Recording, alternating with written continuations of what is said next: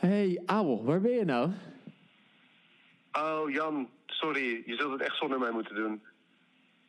Waar wil je het eigenlijk over hebben?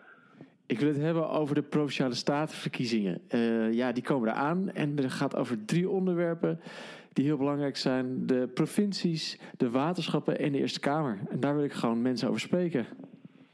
Goh, nou, ik luister het wel terug, oké? Ja, is goed, Abel. Doei.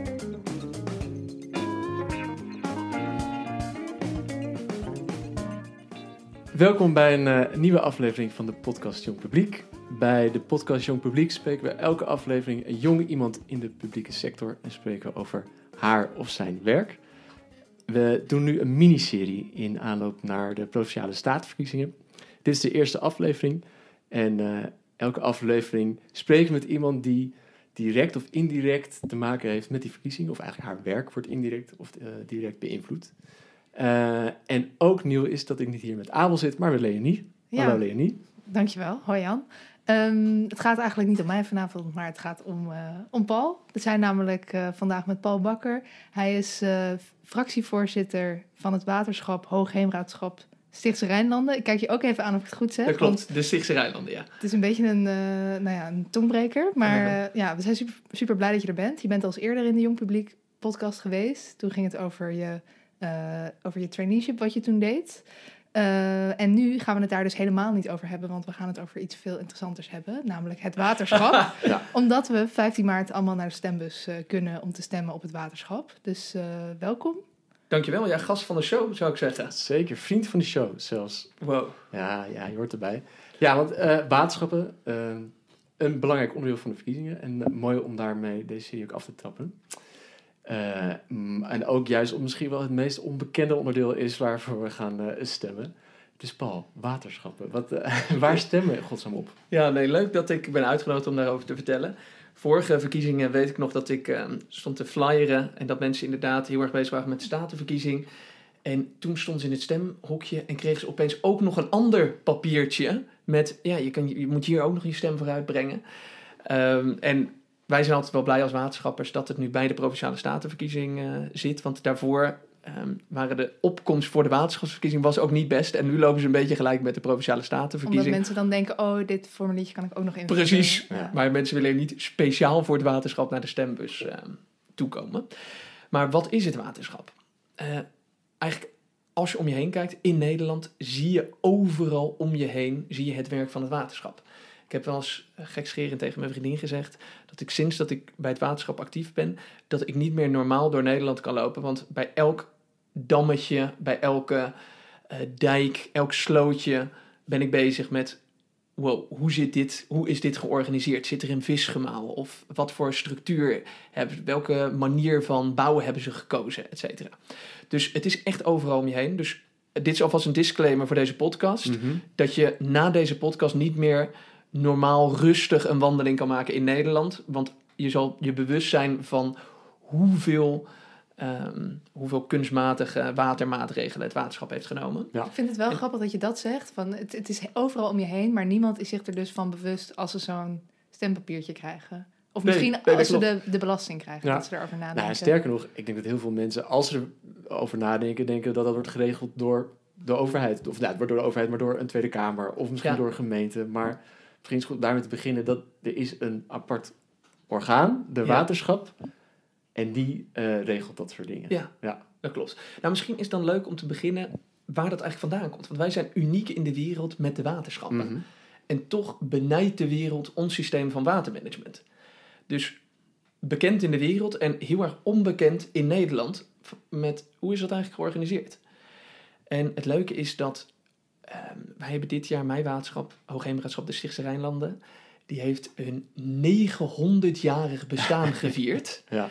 Want in 1122 werd ons waterschap opgericht. Tenminste, een deel van ons waterschap. Het was toen namelijk zo dat Nederland een delta, ehm, mensen, eh, boeren, ehm, mensen die gewoon in het gebied woonden, wilden droge voeten hebben. En die besloten, wij moeten met elkaar gaan samenwerken.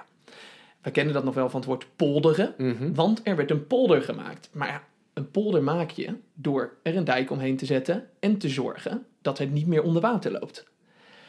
Dus mensen moesten met elkaar samenwerken. Maar als die dijk er eenmaal stond, dan was er ook was er de vraag: nou, wie gaat nou zorgen dat die dijk wordt bijgehouden? Ja. En dat waren dan meestal de mensen die op de dijk woonden, die waren verantwoordelijk voor het onderhoud van de dijk. Maar wat zag je? In de loop der tijd werd er niet genoeg onderhoud gepleegd. En dan hadden de mensen die in de polder woonden, hadden daar last van.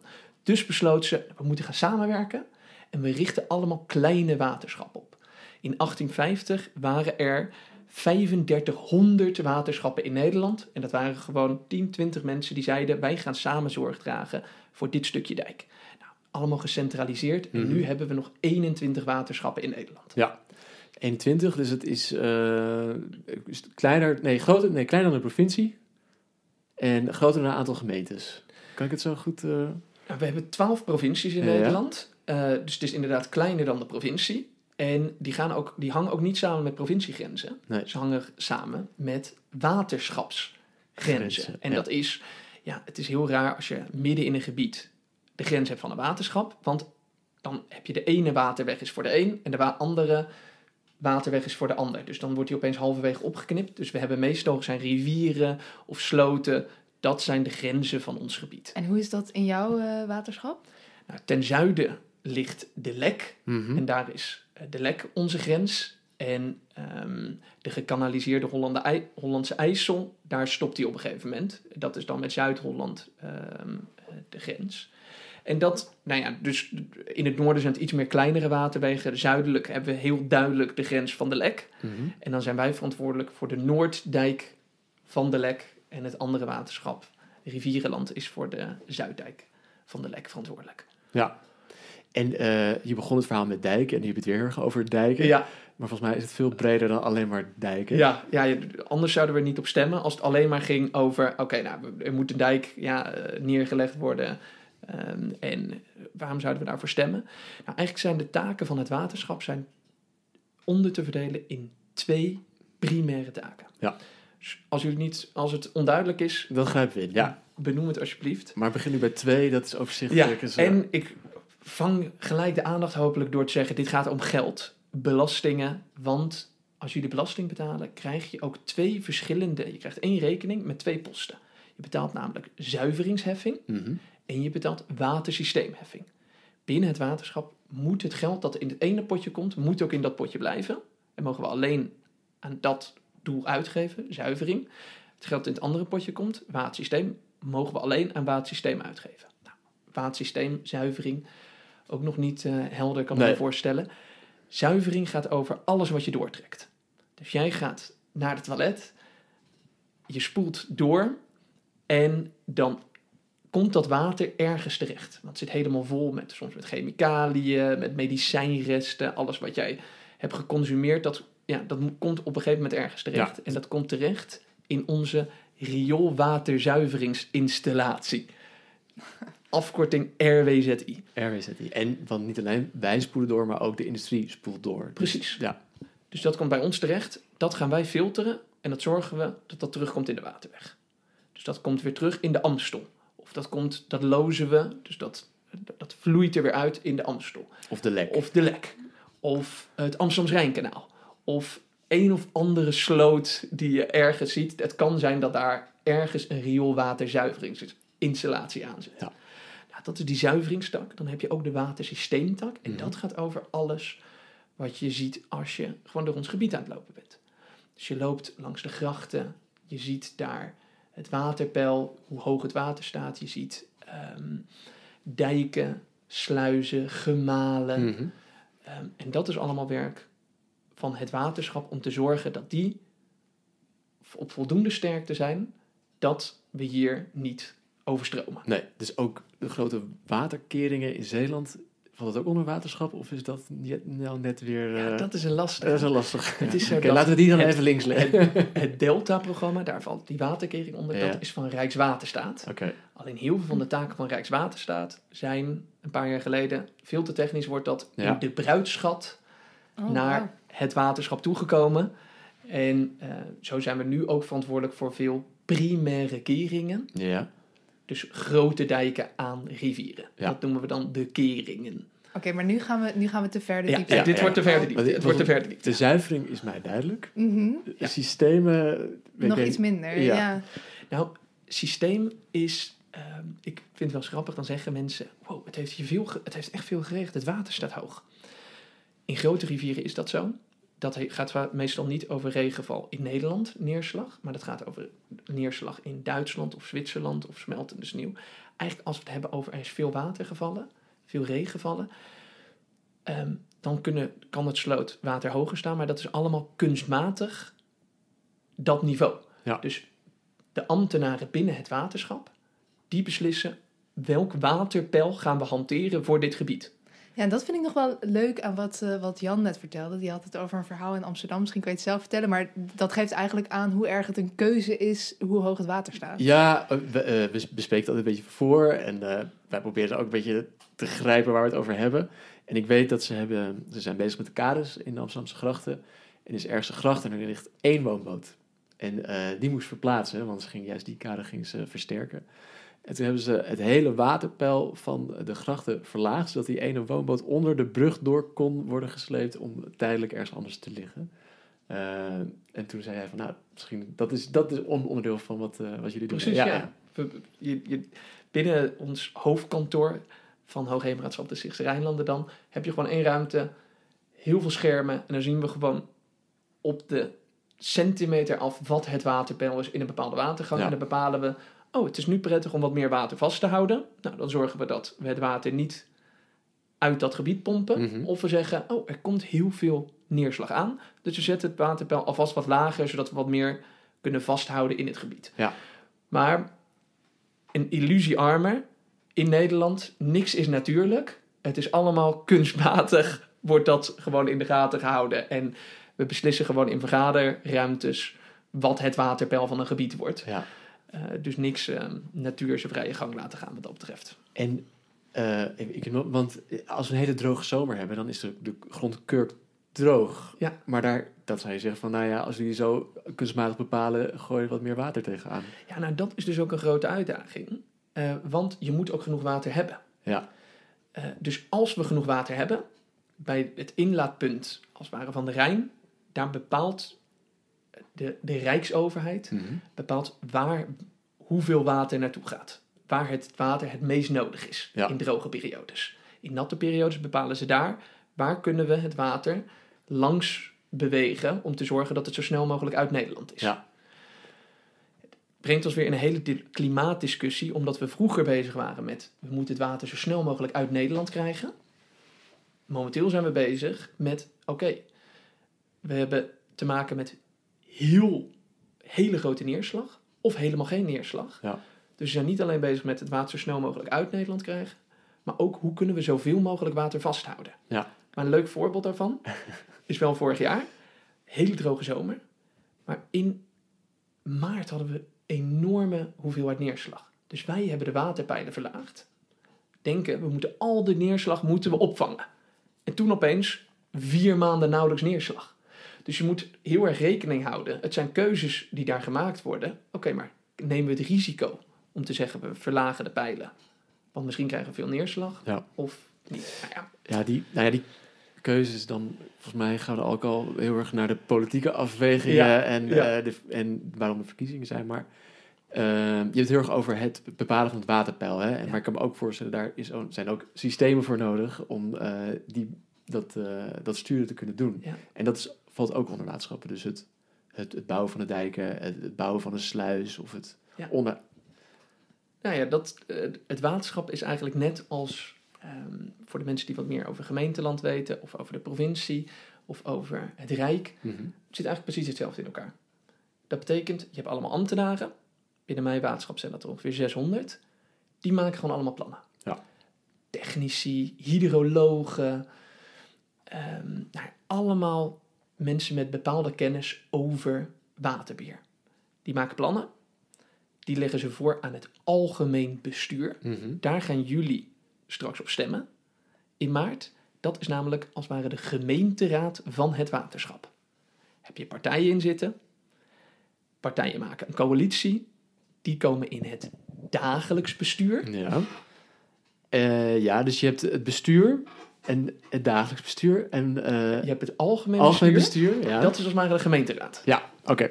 Dan heb je het dagelijks bestuur. Ja, Is als het ware de... ehm, eh, ja, daar zitten de mensen die dit voltijd doen. Dat, dat noemen ze binnen het waterschap de hoogheemraden. ja. Binnen de gemeente zou je zeggen de wethouders. oké. Het zijn allemaal van die agrarische titels, toch? Uh, Hoogheemraden en je hebt de dijkgraaf en zo. Dat Ja. is allemaal heel eh, oud-Hollands. Ja, dat klopt. Ja, dat is, dat is gewoon niet veranderd. Eh, omdat het, het is dus het oudste bestuursorgaan van Nederland. Ja, dat dus is waar, eh, ze houden al die termen, Ja. hebben we gewoon vastgehouden. Ehm, en dan inderdaad de dijkgraaf is als het ware de burgemeester binnen het waterschap. Die wordt, niet, die wordt aangesteld door de kroon. De kroon, ja. Willem-Alexander. Precies. Yes. En die wordt, dat is niet een Ah, politieke Het is functie. geen democratisch proces. Net zoals bij Net zo de burgemeester, burgemeester. net zoals bij de commissaris van de koning. Ja. Oké. Eh, dat zijn allemaal functies die worden dus, nou, dat is niet politieke functie. Nee. Dus je hebt eigenlijk dezelfde indeling als de gemeenteraad of de Tweede Kamer. Ja, want misschien, ik, de vergelijking helpt wel heel erg. Misschien kan je hem nog één keer voor de open maken, maar dan met de Tweede Kamer. Je hebt de Tweede Kamer, daar Ja. stemmen jullie straks op. Ja. Dat is het algemeen bestuur binnen het waterschap. Ja. Dan heb je ministerraad, de ministers, Ja. dat zijn de hoogheemraden. Dus het kabinet is dat gewoon. Ja, Ja, het precies. kabinet. Ja. Dus dat zijn partijen die hebben gezegd, wij gaan een coalitie samen vormen en we gaan samenwerken. Ja. En dan heb je de minister-president, Mhm. Alleen binnen, binnen de provincie en binnen de gemeente en binnen waterschappen eh, is dat niet vanuit de partijen die in de coalitie zitten, maar die wordt aangesteld door de koning. Eh, Dus er zijn ook partijen, ja, Ja. en dat is de dijkgraaf.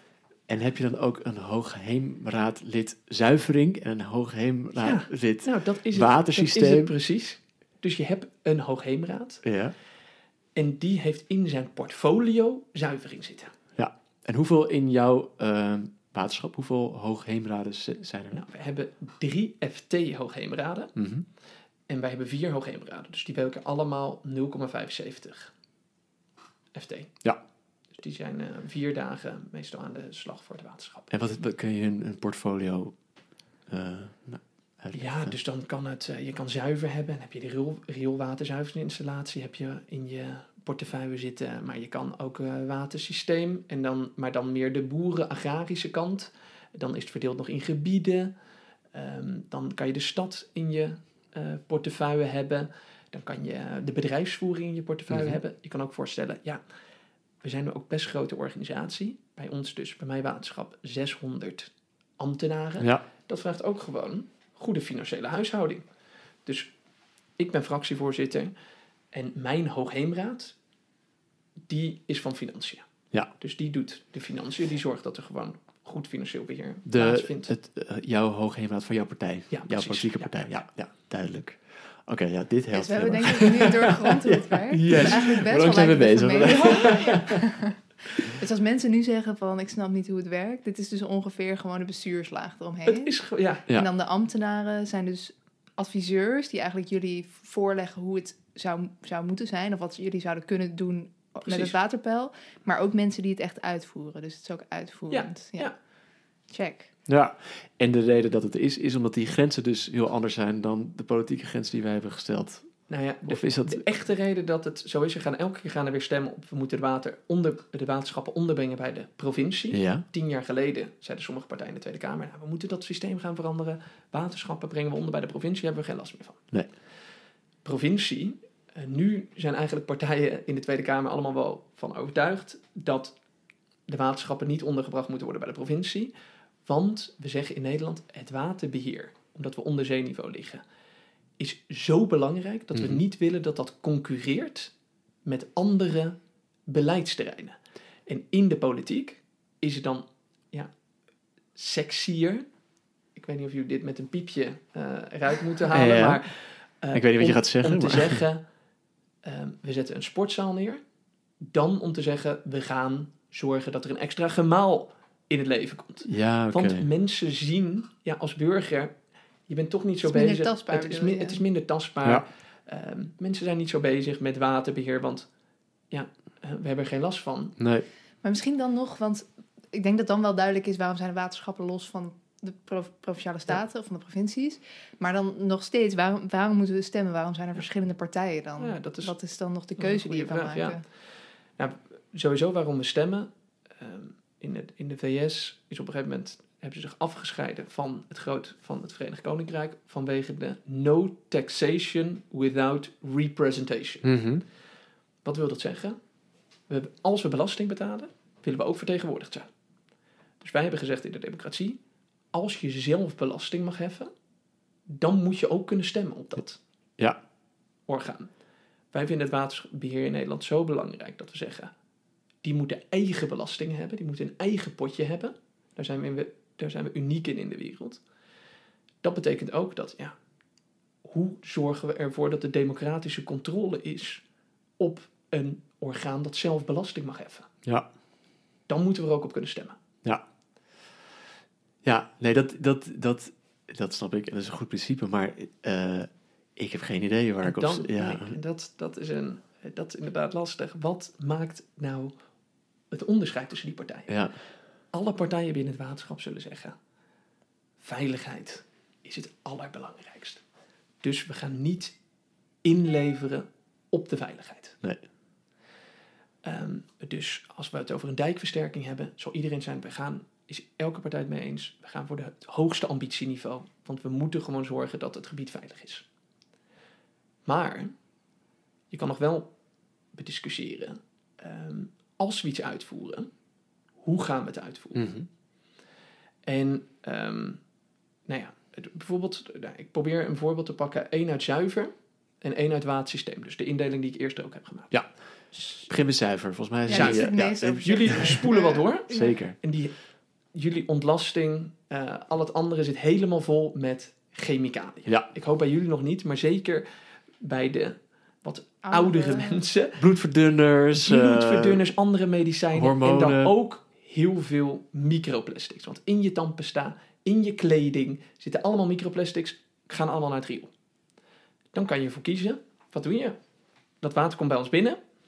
En wij gaan dat filteren. Maar het filteren van microplastics Mhm. en medicijnresten... hebben we gewoon nog niet manieren voor om dat goed te doen. Kan je kiezen. Het is een politieke afweging Ja. we hebben de afgelopen 100 jaar hebben we dat water gewoon geloosd op de Amstel, het Amsterdam-Rijnkanaal. En ehm, nou, prima, stroomt uiteindelijk naar zee. Nu zijn er partijen, ik ook. Ik heb in mijn campagne bij de vorige verkiezingen daar veel eh hennis over zitten maken.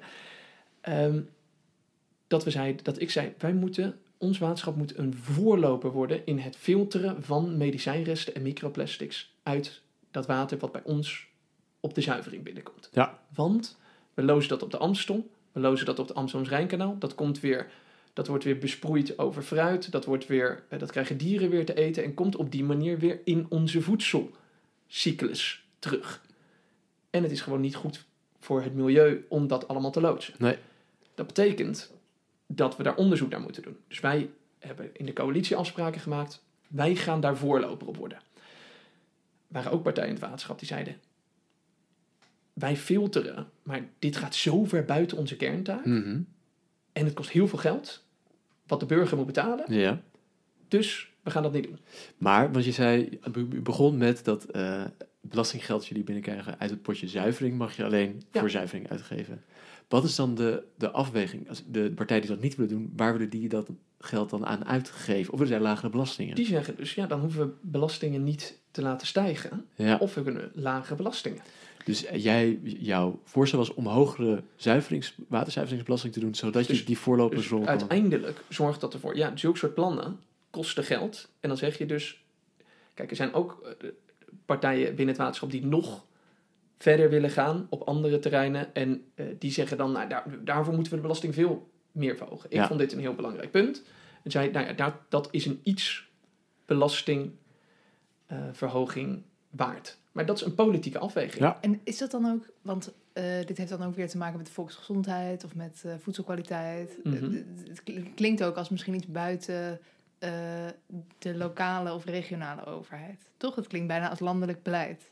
Ja, nou, Of is dat, Dat ben is- ik nu het... Nee, nee, dat klopt. Dus het is landelijk beleid, deels. Wat, wat jullie binnenkrijgen is landelijk beleid. Maar wat- bij ons binnenkomt, daar gaan wij over. En dan kan de Rijksoverheid zou kunnen zeggen... elk waterschap moet een filter voor Ja, microplastics precies. en Dus medicijnen. dat kan dan alsnog landelijk bepaald worden. Dat kan. Maar de, jullie kan. hebben er toen voor gekozen, of jij hebt toen heel erg bepleit, om het dus op waterschapniveau te doen. Precies, nou ja, het, de, de Rijksoverheid toont hier niet initiatief op. Ja, Dus dan ga je als waterschap, het ligt in jouw macht om daar iets aan te doen. ja. Dus dan kan je voor kiezen om er iets mee te doen. Er zijn heel veel waterschappen die hier niks op dit gebied ehm, doen. En er zijn ook partijen binnen het waterschap die zeggen, we doen de bronaanpak. Dus we moeten overal, we moeten als het ware consumenten bewegen en bedrijven om minder afval in het water te krijgen. En niet zelf dat gaan filteren. Ik ben daar ook voorstander van. Maar ja, dat is dus, dit wordt een politieke kleur. Ja. Ik zeg, oeh, het heeft niet echt goed gewerkt, die bronaanpak. Dus volgens mij moeten we en-en doen. En Ja. de bronaanpak en zelf onderzoek gaan doen naar die filters. Oké. Dat, dat is dus een Dat is, eh, politieke afweging. politieke Oké, afweging. zuiver, zuivering in politiek, of politiek in de zuiveringskant is denk ik nu dan gecoverd. Ja. Ja. Dus Het dan kunnen we door naar de watersysteem. En dan heb je watersysteem. Ehm, ja, dat is soms wat lastiger. het is soms wat lastiger. Je gaat er ook anders bij zitten. Ja. Eh, voor mijn gebied is watersysteem een heel, een, een heel belangrijk punt in ons gebied, is het veenweide. Ja, Mhm. Wat is een die, veenweide? Mensen die ehm, niet uit, uit bijvoorbeeld Noord-Holland komen of Friesland of het westen van de provincie Utrecht of rondom Rotterdam, Mhm. die weten niet wat veenweide is. En Jan ook niet. het- Dus. Extreem belangrijk is, tenminste, een heel groot deel van Nederland. Wij waren vroeger een delta en allemaal plantenresten zijn hier aangespoeld en ehm, daar zijn we op gaan wonen. Dat betekent dat wij wonen, als je in Woerden woont of ergens in het Groene Hart of in Amsterdam of in Alkmaar, dan woon jij eigenlijk op een laag van 5 tot 10 meter veen. Dat betekent allemaal plantenresten die daar gewoon zijn beland. En daar zit een beetje water bij, waardoor het een soort spons is Ja. waar je je huis op kan bouwen. Ja. Maar die spons kan ook droog worden. En wat gebeurt er met de spons als hij droog wordt? Krimpt die. Dan krimpt hij. En dat heet bodemdaling. Dus al honderden jaren gaat er elke keer, zakt het land iets verder weg. Want dat bovenste laagje wordt blootgesteld aan zonlicht. Ja. Dat zorgt ervoor dat dat indroogt. Dat heet inklinking. Ja. Mhm. Het En dat heel betekent- technisch hoor. Dat het water, dat de bodem elke keer zakt. Maar misschien om het dan even, want dat wilde jij misschien ook gaan Ja. doen, maar ik heb natuurlijk net huizenjacht eh, gedaan. Dat, dat heeft dus heel veel impact op huizen en op hou- houten palen Precies. die dan dus gaan rotten doordat het droog komt Inderdaad. staan. Inderdaad. Sorry, nu ben ik misschien je verhaal aan Nee, het, nee, dat eh, klopt helemaal. Dus, dus voor, dan is het opeens heel erg belangrijk, wat wordt het waterpeil? Ja. Want hoe grotere laag van die spons bovenin droog komt te liggen, hoe verder de bodem wegzakt. En dan, en dan komt het waterpeil, zeg je. En nu zijn we bij het systeem. Ja, dat is dus het systeem. Ja. Wij bepalen het waterpeil. Ja. En dat is dus een grote discussie. Mhm. Want er zijn sommige mensen die zeggen, heel veel mensen die zeggen, waterpeil moet naar 0 centimeter. Even kijken, wat betekent dat 0 precies? centimeter onder het oppervlak. Dat betekent dat het gelijk met het oppervlak heb je het water. Dat betekent Dus het veenweidegebied Ja, moet volledig onder water staan. in onder water zetten. oké. Dus ook eh Woerden, heel Woerden onder water. Dus dan zeg je om de stadskern van Woerden kan je de- een ander wa- waterpeil hanteren. Mhm. Maar daarbuiten de, het eh, landbouwgebied geef je als het ware terug aan de natuur. En, en nu vind ik het meteen interessant om te weten... eh, wat voor partijen zijn daar voorstander van en wie zijn er absoluut op tegen? Sowieso binnen het waterschap, als je deze luistert, kijk naar de verkiezingsprogramma's van jouw waterschap. Want soms verschilt het heel erg per waterschap wat partijen denken. Ja. Ehm, eh, D66 kan bij de ene heel groen zijn en bij de andere veel conservatiever. CDA eh, is in het, in het noorden heel erg ehm, wat rechtser, terwijl het hier in de Randstad best wel heel links is. Mhm. Eh, dus ik zou er echt even kijken naar wat je partij daarover denkt. Maar over dit punt, de Partij voor de Dieren bijvoorbeeld, Ja. die zeggen eigenlijk... aan de natuur. Dat kunnen we Die wel zeggen, ja. Dus die zeggen, waarom zorgen we voor landbouwbedrijven in het Groene Hart dat dat waterpeil iets onder het oppervlak staat. Eh, want dat zorgt ervoor dat de bodem da- zakt. Terwijl Ja. als we het waterpeil daar gewoon op 0 centimeter zetten, is dat goed voor de weidevogels, die kunnen daar broeden, et cetera. Ja, want dat betekent maakt het ook- eigenlijk gelijk heel politiek, toch? Dat boeren en landbouworganisaties vaak belang hebben bij dro- meer droogte. En dat natuur meer belang heeft bij Precies, ja, ja, na- nat. is misschien- inderdaad. En ik- Precies, ja. ik- even, wat ik wel interessant vind, want je hebt het over links en rechts, maar dat zijn sociaal-economische termen. Hoe past dat dan binnen het, eh, de waterschappen? Ja, dus, dus je hebt veel met dezelfde partijen te maken. Dus daardoor zeg ik ook links-rechts Ja. verdeling. Je hebt wel met eh, een, een waterschapsvraag bijvoorbeeld ook eh, kwijtschelding. Mhm. Daar zie je dat, dat die links-rechts verdeling wel opgaat. Dat Kwijtschelding echt- van belastingen. Ja, Of- precies. Voor minima. Ja. Ehm, op welk percentage zetten we dat? Ja.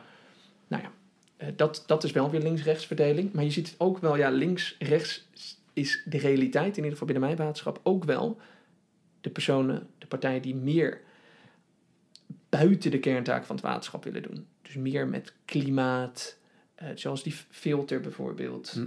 Ehm, dat zorgt voor meer belasting. Hmm. En de partijen die aan de andere kant zitten zeggen: alleen de kerntaak. Ja.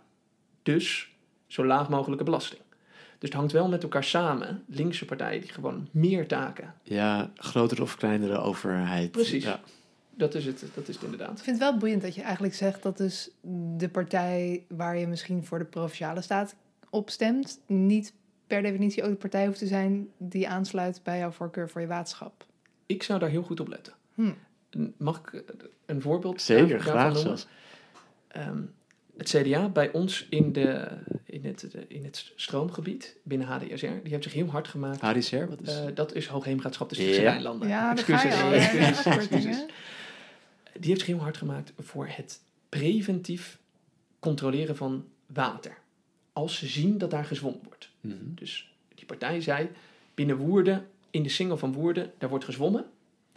En eh, dat is niet officieel bestempeld zwemwater. Dus we hoeven daar niet te controleren. Maar laten we het maar wel doen, want we zien dat mensen er toch zwemmen. En als het niet goed is met de waterkwaliteit, dan, ehm, nou, dan kunnen we mensen in ieder geval waarschuwen. Maar dat gaat eigenlijk buiten onze taak. Want onze taak is, controleer zwemwater dat door de provincie als zwemwater is aangegeven. Ja. CDA, groot voorstander, motie voor ingediend. AGV heeft een andere partij die motie. Ah, sorry, AGV. Leonie kijkt heel boos naar. AGV Jij ook. is Amstel, Gooi en Vecht. Ja. Oh ja. Dat is een ander waterschap in de buurt van Amsterdam. ja. En andere, een, ik weet niet welke partij had daar een motie ingediend. Met dezelfde strekking. En welke partij stemde tegen? Een van de twee partijen die tegenstemden, Als het CDA. Was het CDA bij, Ah, ja. binnen AGV. Ja. Zo zie je dat binnen waterschappen er gewoon grote verschillen kunnen zijn in partijpolitieke standpunten. Ja. Binnen HDSR, Hoogheemraadschap de Stichtse Ja. Rijnlanden, is die motie er niet doorheen gekomen. Omdat heel veel partijen daar niet, niet voor waren. Of het, het, werd in, niet- het wordt nog niet uitgevoerd in ieder geval. Nee.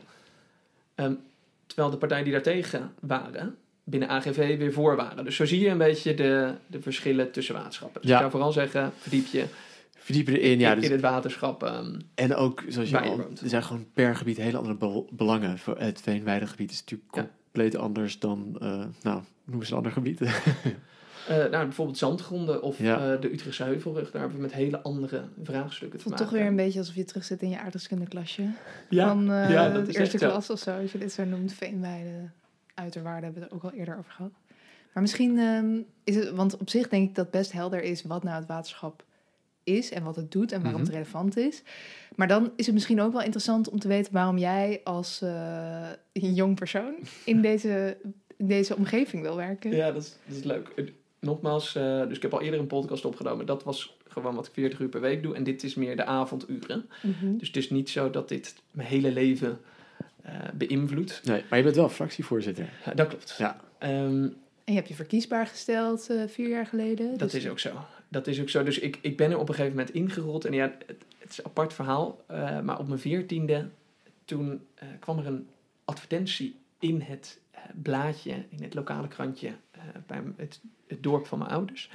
En ik zat op dat moment eh, in Tsjechië en eh, met een soort reis. En eh, mijn ouders zeiden, Paul, we zien in dit plaatje een functie van de Hoogheemraad. Nee, jeugddijkgraaf langskomen. Zou je dat leuk vinden? Dus ik, ja, nou, eh, prima. Ehm, en je kan je voorstellen, ik was de enige die daarop solliciteerde. Dus ik ben, ik ben niet op de merites aangenomen. Nee. Maar puur omdat ik de enige één optie, 14-jarige ja. was die, daar, die zich daarvoor aanmeldde. Ja. En eh, dat zorgde ervoor dat ik met de dijkgraaf meeging elke keer. En dan ging ik vertellen hoe belangrijk het waterbeheer is voor tieners En, en waar ging en jongeren. Naar scholen. Naar de Tweede Kamer. We zijn in, in gesprek met Tweede Kamerleden. Naar congressen. Nou ja, al die eh, vergaderingen waar iets, waar het publiek werd toegesproken, kwam dan ook de stem van de jongeren. En dan moest ik wat vertellen. En, nou, Je, begint, als je zegt het een 14-jarige beetje grappig van, van eh, ja, dan moest ik iets vertellen over tieners, maar je begint er wel van te stralen. Ja, ik vond- het was ook-. Laten we eerlijk zijn, het was als tiener was het geniaal. Ook omdat ehm, op een gegeven moment was bijvoorbeeld een vergadering met Willem-Alexander. Die was Mhm. toen eh, prins Water. Die was voorzitter van adviescommissie Water. Hij was toen nog prins. En ehm dan kwam ik daar als jochie van toen 15 misschien binnenlopen. Eh, ja, het- dat, is wel, dat zijn hele leuke ervaringen. En Ja. toen ben ik dus een beetje ingewijd in die waterschapswereld. En toen ben ik op een gegeven moment eh, door de Hoogheemraad, toenmalige Hoogheemraad, benaderd van Paul, zou je het leuk vinden om op de lijst te staan? Dus En toen campagne heeft studeerde ik gewerkt. nog. eh, En ja. toen dacht ik, nou, het is wel leuk om dit ook naast mijn studie te doen. Mhm. Eh, nu ik aan het werk ben, doe ik dat eh, dus naast mijn werk. Ehm, en ik hoop dat meer mensen interesse krijgen natuurlijk in het waterschap, omdat ja, je, ziet, je ziet toch dat het een wat, ik zou niet zeggen vergrijsd orgaan ehm, is, maar wel dat de gemiddelde leeftijd wat hoger is. Eh, en dat is jammer, want het is wel iets wat denk ik de komende jaren, als je kijkt naar klimaatverandering, noem klimaatverandering. En er zit altijd een wateraspect bij. Ja. Te veel water, te weinig water, te weinig eh, zoetwater, te veel zoutwater, ehm, zeespiegelstijging. Allemaal aspecten die iets te maken hebben met waterbeheer.